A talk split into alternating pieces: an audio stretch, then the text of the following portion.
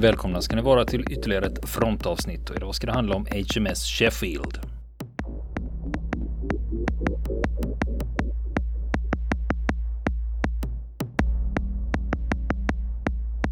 HMS Sheffield, Falklandskriget. Det var ett tag sedan va? Det var ett tag sedan vi pratade om Falklandskriget här.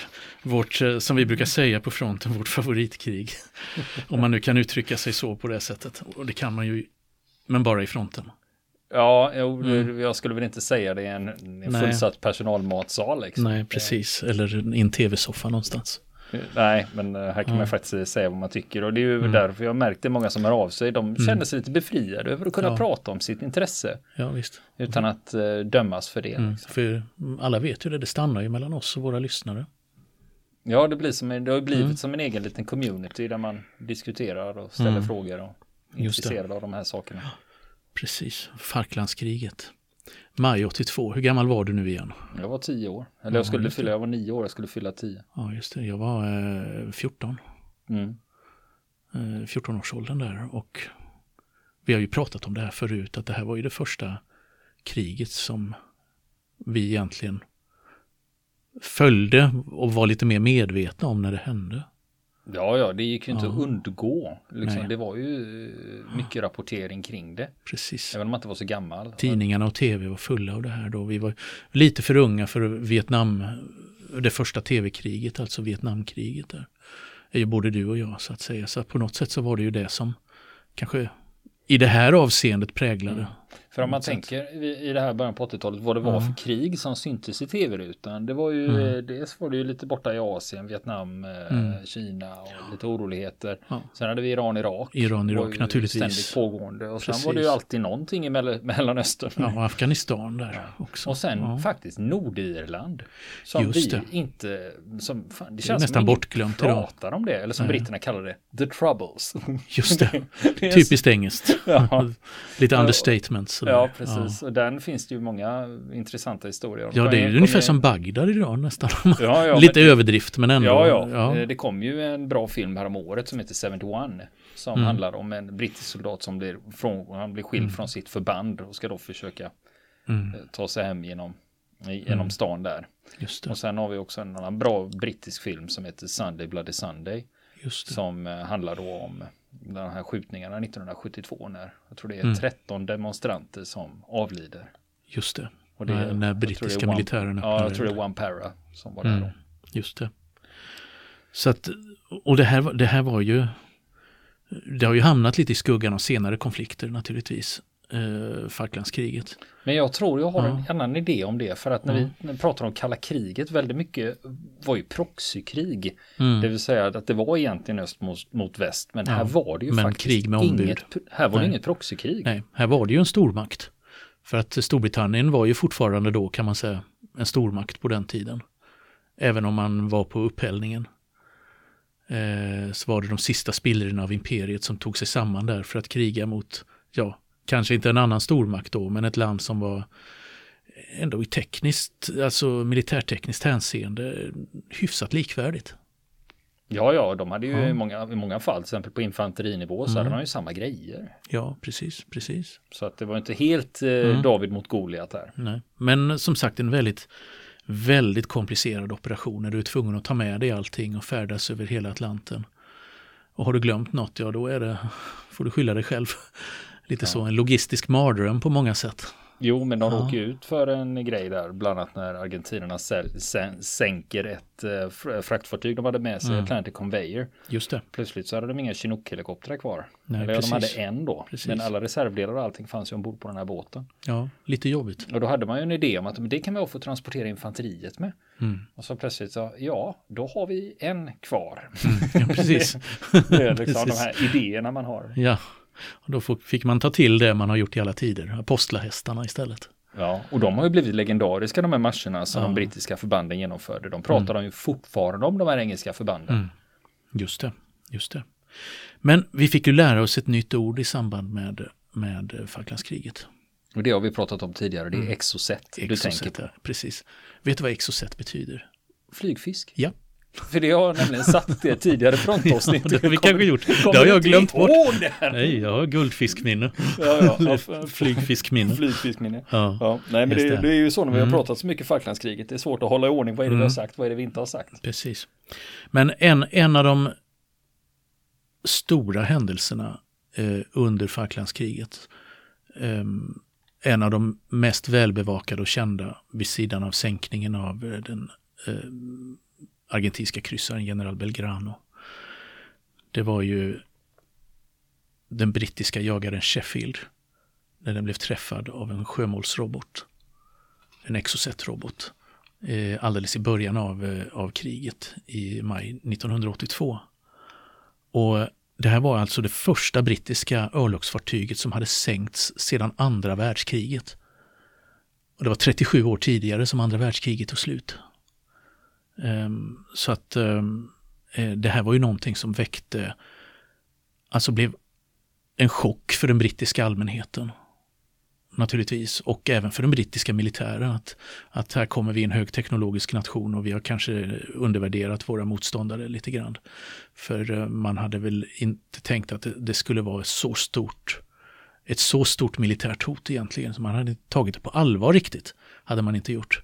Och för allmänheten blir det här också Ja. ett problem. För när, man, när du har bilden Mm. att men vi har ju ändå en stor jävla Royal Navy. liksom. Ja, Royal Eh, Navy. Royal Navy. och King of Royal the Seven Seas, och liksom. Vi har Ja. Paris och Commandos och alla möjliga som ska ner. Mm. Och, och så råkar man ut och liksom i tron att det, Ja. det här blir nog en ganska lätt match. Ja, Man, man visste ju inte, alltså det är ju lätt när vi sitter med Ja. facit i hand, då är länsstolsgeneraler liksom. ja, ja visst. Då, nu när vi vet vad som hände och liksom sitter med facit, men då får du tänka hur det var. Mm. Det visste man ju inte Hur då. Mm. resonerar man innan? Och många trodde ju att det här skulle bli en fredlig diplomatisk lösning. Redan när man liksom lätte ankar i London och Precis. Ascension Islands Ja. och liksom i riktning söderut, man tänker att ja, men nu, Mm. det, ja, säkerhetsrådet hinner nog slänga in någon resolution och det blir nog stopp på det där. Och, Ja, precis. Och när eng engelska flottan siktas vid eh, Argentinas motsvarighet i Vinga så skulle då kanske den, den argentinska diktaturen bli så skrämd att, den, eh, skrämd att de, eh, de eh, la ner det här och evakuerade eh, sina ockupationstrupper på, på Falklandsöarna. Sådana förhoppningar fanns ju i detta naturligtvis. Men, ehm, men eh, det här blev ju verkligen hårt mot hårt på alla nivåer, både till lands och till sjöss och i luften. Mm, för det var, det, för man kan ju Ja. säga med det här, då står det ganska klart Mm. att så här, oj, de tänker visst inte ge sig.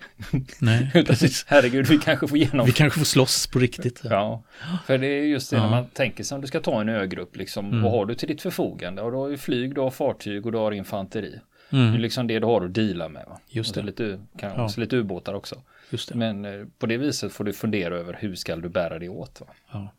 Och det, det, kan man, det kan man ju verkligen lätt föreställa sig hur det gick till i strid, stridsledningsrummet där, vilka, vilka problem eh, på flaggskeppet i den brittiska strids, eh, eh, stridsstyrkan.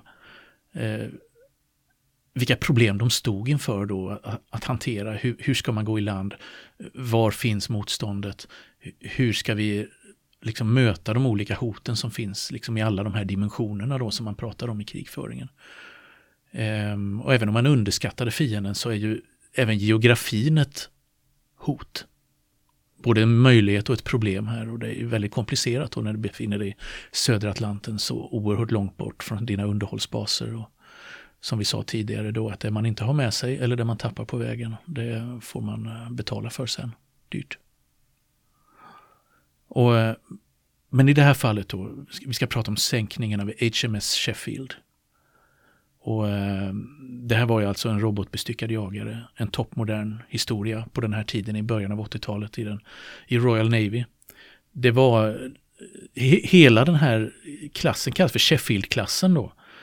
Eh, och bestod av 14 stycken eh, toppmoderna jagare utrustade med luftvärnsrobotar eh, som eh, den, eh, den brittiska flottan hade börjat producera i slutet av 60-talet och sjösätta efterhand. Men de kom, blev liksom inte operativa förrän eh, i mitten och slutet av 70-talet de här. Så att eh, till exempel Sheffield själv då som var det första fartyget i den här serien eh, sjösattes 71. Men kom, var egentligen inte tjänstdugligt förrän 1980. Alltså bara ett och ett halvt år före Falklandskriget. Eh, för att man hade haft massor av problem, eh, tekniska problem under eh, ja, inkörningsfasen och, eh, av det här fartyget. Då. Eh, och det sista i den här klassen togs i tjänst 2013 av Sheffields systerfartyg då. Och då hade de använts i nästan 40 år i Royal Navy. Eh, men de var alltså konstruerade då som luftförsvarsfartyg åt flottan. Man har ersatt en äldre modell, då som heter Bristolklassen då som eh, skrotades av den brittiska Labour-regeringen på 60-talet då därför att de var för stora och för dyra ansåg man. Man behövde någonting som var, var billigare men eh, billigare, lättare men lika slagkraftigt. Och då kom man upp med den här Sheff HMS Sheffield och eh, dess då, då, olika systerfartyg då. Och om man ska säga något kort då liksom om dataprestanda så folk våra lyssnare har lite koll på vad vi pratar om för storleksordning på det här fartyget då. Så eh, ja, 125 meter långt. 4800 ton. Ehm, den gjorde 30 knop maxfart och hade en besättning på nästan 300 man. 287 man för att vara exakt. Och bestyckningen då, luftförsvarsfartyg. Eh, den var utrustad med robotar. Eh, en robotmodell som kallas för Sea Dart. Eh, som eh, togs i bruk på 70-talet. Och, och om man ska säga några ord om, eh, om den här då så var det en tvåstegsrobot. Den var eh, 4,5 meter lång. Eh, vägde drygt ett halvt ton. Och det första steget då det var en fastbränslemotor som vid avfyring då accelererar roboten upp till överljudsfart. Och sen tog robotens egen eh, ramjetmotor över då, den Rolls-Royce motor då med flytande bränsle. Eh, fotogen Eh, och det gav maxhastigheten då, det var 2,5 gånger ljudets hastighet. Mach 2,5. Och eh, den kunde alltså bekämpa mål på olika höjder upp till 56 kilometers avstånd. Den modellen som man använde under Falklandskriget. Det har eh, utvecklats uppdaterade versioner av SEDART sedan dess då. Eh, I det brittiska eh, försvaret. Den hade också, den kunde inte bara slå mot flyg, utan den kunde också, som man säger, sekundär förmåga. Ja, plan B, vi kan också använda den mot fartyg. Men bara mot små och mindre fartyg. Och i det läget så armeras inte stridsspetsen på den, utan skadan orsakas av att en halvtons missil i överljudshastighet brakar rätt in i fartyget och att det som är kvar av bränslet antänds.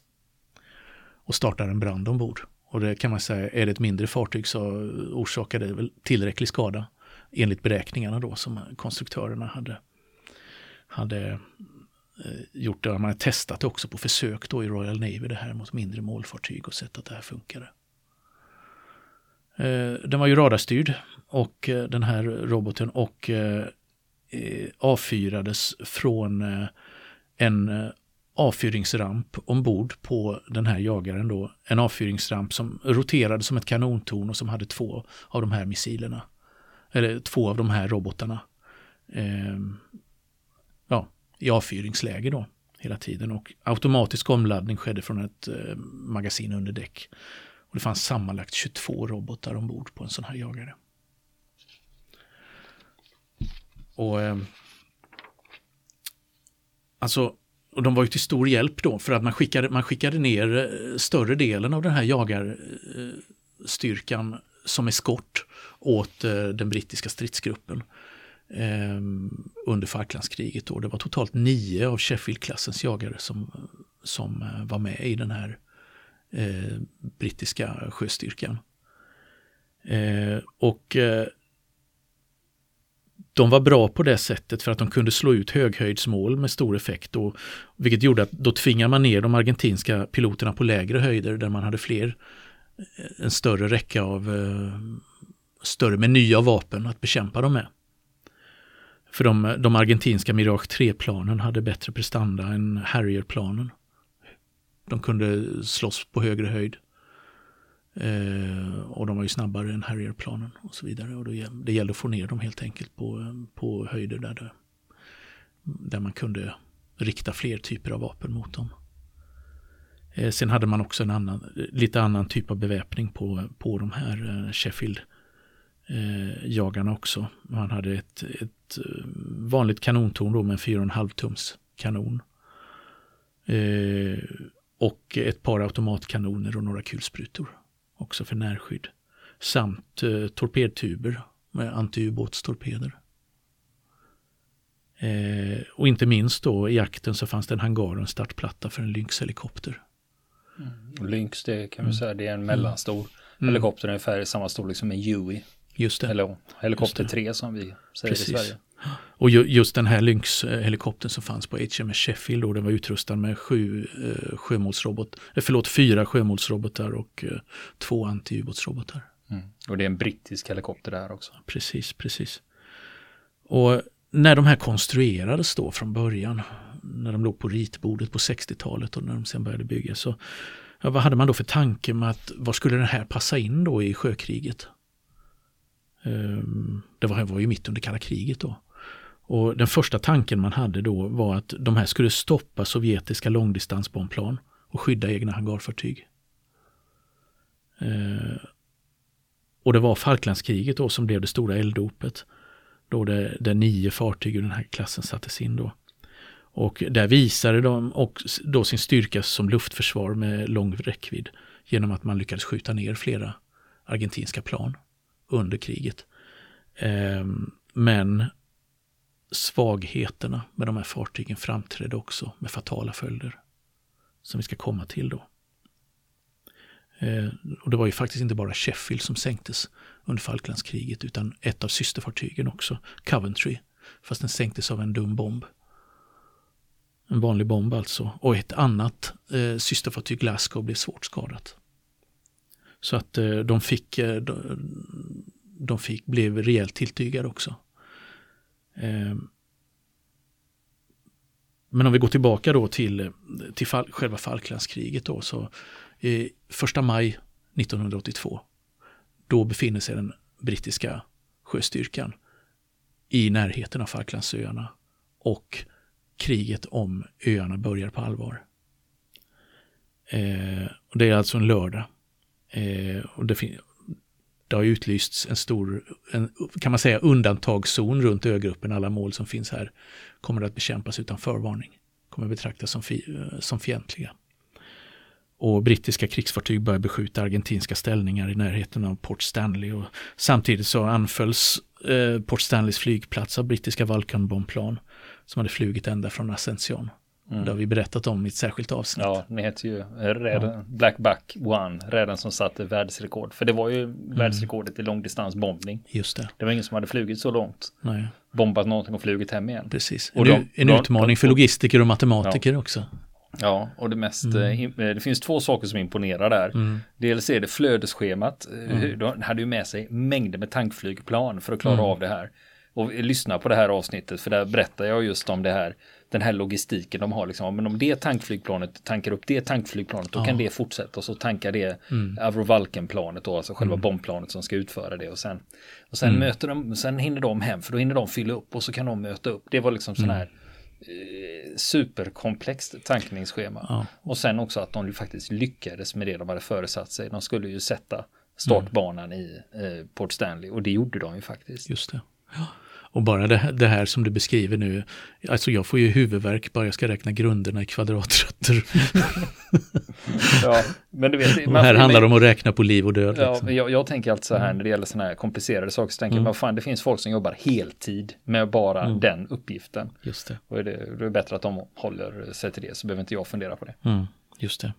Och sen ett dygn senare efter den brittiska eh, sjöstyrkans ankomst och det har börjat hända saker så sänks då den eh, argentinska kryssaren General Belgrano av en brittisk ubåt med, med 368 eh, argentinska liv. Och det har vi också gjort ett avsnitt om.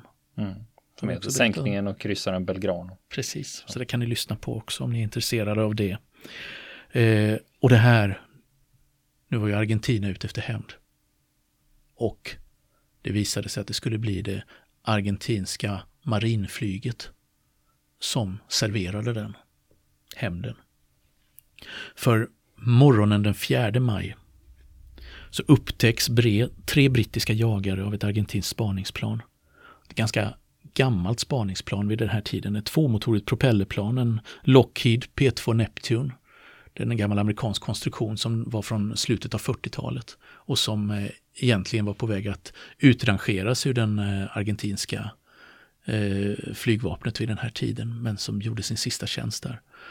Och eh, klockan 7.50 på morgonen lokal tid, vi håller oss till lokal tid här nu, eh, och inte Greenwich eh, tid som britterna gör i sina redogörelser.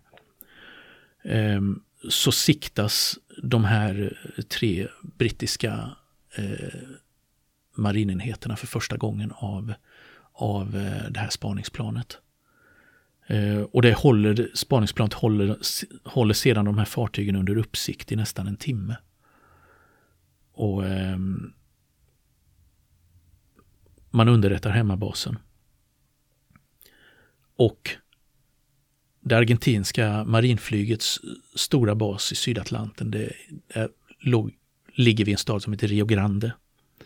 Eh, ganska nära Argentinas sydspets, bara rakt eh, väster om eh, Falklandsöarna.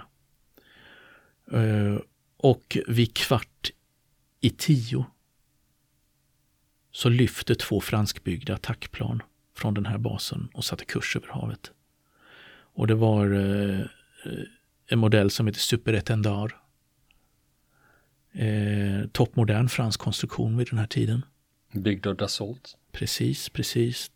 Den här modellen av eh, Super Atendard hade tagits i tjänst och knappt fyra år före kriget och även exporterats till Argentina. Eh, och det är ett ganska litet plan då med en, med en motor och eh, kraftigt bakåt svepta vingar, 45 grader. Eh, hade, Super Etendard hade flera föregångare då i samma flygplansfamilj. Då. Prestanda, hastighet och maxhöjd och så vidare var egentligen inte mycket bättre än, än föregångarna men det var mycket mer manöverdugligt. Eh, det hade man satsat på. Eh, och huvudbestyckningen på det här planet då, det, var ett, det tjänstgjorde som ett attackplan. Det var Exocet-robotar. AM39 Exocet, franskbyggda. De också. Och en toppmodern konstruktion vid den här tiden. Eh, och det var just därför som den argentinska flottan hade köpt just de här planen för att de var, kunde fungera utmärkt som plattform, vapenplattform för sjömålsrobotar. Eh, och eh, Exocet då, den var, den var byggd för att eh, sättas in då mot små och medelstora sjömål. Det vill säga maximalt fregatter, korvetter och jagare handlade det om större mål, ja då fick man använda mer än en robot. Man pratar om hangarfartyg eller kryssare. Eh, och de här hade tagits i tjänst då så sent som 1979 i det franska eh, flottan och flygvapnet. Exocet-robotarna. Eh, de, de flygplansburna modellen alltså. Och eh, ska man säga något om den så handlar det också om en robot som är nästan fem meter lång eh, väger, den är tyngre än Sea Darts-robotarna vi pratade om innan, de här luftvärns, de här väger nästan 700 kilo. Eh, varav stridsdelen väger 165 kilo. Och eh, roboten har också små bakåtsvepta vingar och flyger strax under överljudshastighet. Alltså 0,9. Mach 0,9. Och eh, roboten Eh, den aktuella modellen som användes i Falklandskriget då hade en aktionsradie på 70 kilometer. Alltså den kunde bekämpa mål maximalt 70 kilometer bort efter avfyring. Och för att inte bli bekämpad så flyger den extremt lågt. Bara en till tre meter över havsytan. Det är därför den kallas för flygfisk. Just det, precis då. Och det, ju, det för också med sig då att eh, radarsystemen hos målen upptäcker den väldigt sent. Den kommer inom radarhorisonten för, eh, för, eh, för eh, de sjömål man ska bekämpa. Så att det kan handla om, man hade på den tiden beräkningar om 6000 meter. Vid, det, vid 6000 meter så teoretiskt sett kunde fiendens radar upptäcka en. Och då har du inte lång reaktionstid på dig. Eh, det är extremt kort reaktionstid för att reagera och bekämpa den. Eh, fransmännen har ju varit väldigt glada att sälja vapen över hela världen också, det vet vi. Och de har inte varit sådär nogräknade med vilka man har sålt vapen till heller. Eh, det har ju varit Saddam Hussein och andra. Det har varit eh, som, eh, som vilken stormakt som helst kan man säga har de sålt, eh, sålt vapen till regimer som har varit ja, tillhört skuggsidan i världspolitiken. Och eh, kanske på ett mer fräckare sätt än vad många andra länder har gjort i väst.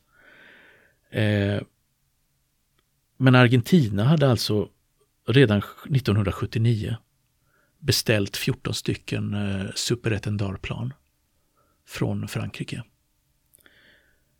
Och det var ju lite komplicerat då därför att det här strax efteråt, eller strax innan detta skedde så hade FN infört ett vapenexportförbud mot Argentina. Alltså ingen fick exportera vapen dit. Och det berodde på att den militärdiktaturen i eh, Argentina eh, förde ett extremt smutsigt krig mot oppositionella i landet. Ja, Kallas mot sin för, egen befolkning. Exakt, ja precis. Eh, där, man, eh, där man liksom på alltså, mest fruktansvärda sätt eh, fängslar och mördar eh, verkliga och inbillade fiender till regimen. Eh, hade skapat stor upprördhet i omvärlden. Och eh, följaktligen hade FN bestämt att eh, nej, det är förbjudet att exportera vapen dit. Men det hade, hindrade inte fransmännen. De eh, började leverera de här planen. Men man hade beställt 14. Men bara fem av dem hann levereras före Falklandskrigets utbrott. Och bara fem Exocet-robotar. Så man hade fem plan och man hade fem robotar när Falklandskriget började. Och, eh, så det var inte så mycket, mycket att komma med, men numerärt sett. Men det skulle visa sig att det fick väldigt stora effekter. Insatsen av de här toppmoderna vapnen. Eh, så både planen och robotarna de hamnar hos andra eh, eh sjöflygsflottiljen eh, i Rio Grande. Och de utgjorde ju ett, ett hot mot Royal Navy och där var man medveten om i den brittiska marinstaben att det här är ju rätt allvarligt. Eh, den argentinska militärdiktaturen har, har toppmodern eh, teknik som kan slå ut våra eh, vår flottas eskortfartyg. Eh, och det gick så långt, man var faktiskt så pass oroade inom marinstaben att man, eh, man hade långt gångna planer på en sabotageoperation mot Rio Grande-basen med SAS-enheter. Men den avblåstes sedan en eh, spaningsstyrka från SAS av misstag hade landat i Chile på grund av dåligt väder. Så att det blev ingenting med det. Sen finns det ju en annan mm. aspekt av det liksom. Mm. Eh, det är just det när du då håller dig på Falklandsöarna. Mm. Eh, det är ju en sak, va? men mm. säg att du ska börja genomföra operationer gentemot fastlandet.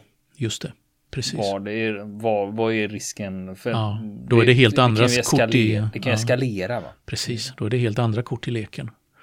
Är det. Eh, det är lite på, eh, kanske inte riktigt jämförbart, men lite grann som när, eh, när man länge i Vietnam eh, undvek att bomba den nordvietnamesiska huvudstaden. Till exempel. Tills man trappade upp detta i slutet av 60-talet och började göra det och fick världsopinionen emot sig på ett annat sätt än man hade fått tidigare. Mm. Så att det blir helt andra kort, kort i leken när man ger sig in på sådana saker och ger sig utanför det spelplanen i det här läget. Då. Och nästa vecka fortsätter vi prata om sänkningen av HMS Sheffield. Vill ni komma i kontakt med oss så kan ni göra det via vår Facebook-sida som heter Fronten. Det är inga problem för er att leta er fram där. Eller också så mejlar ni på vår mejladress och det är frontenpodcast.gmail.com.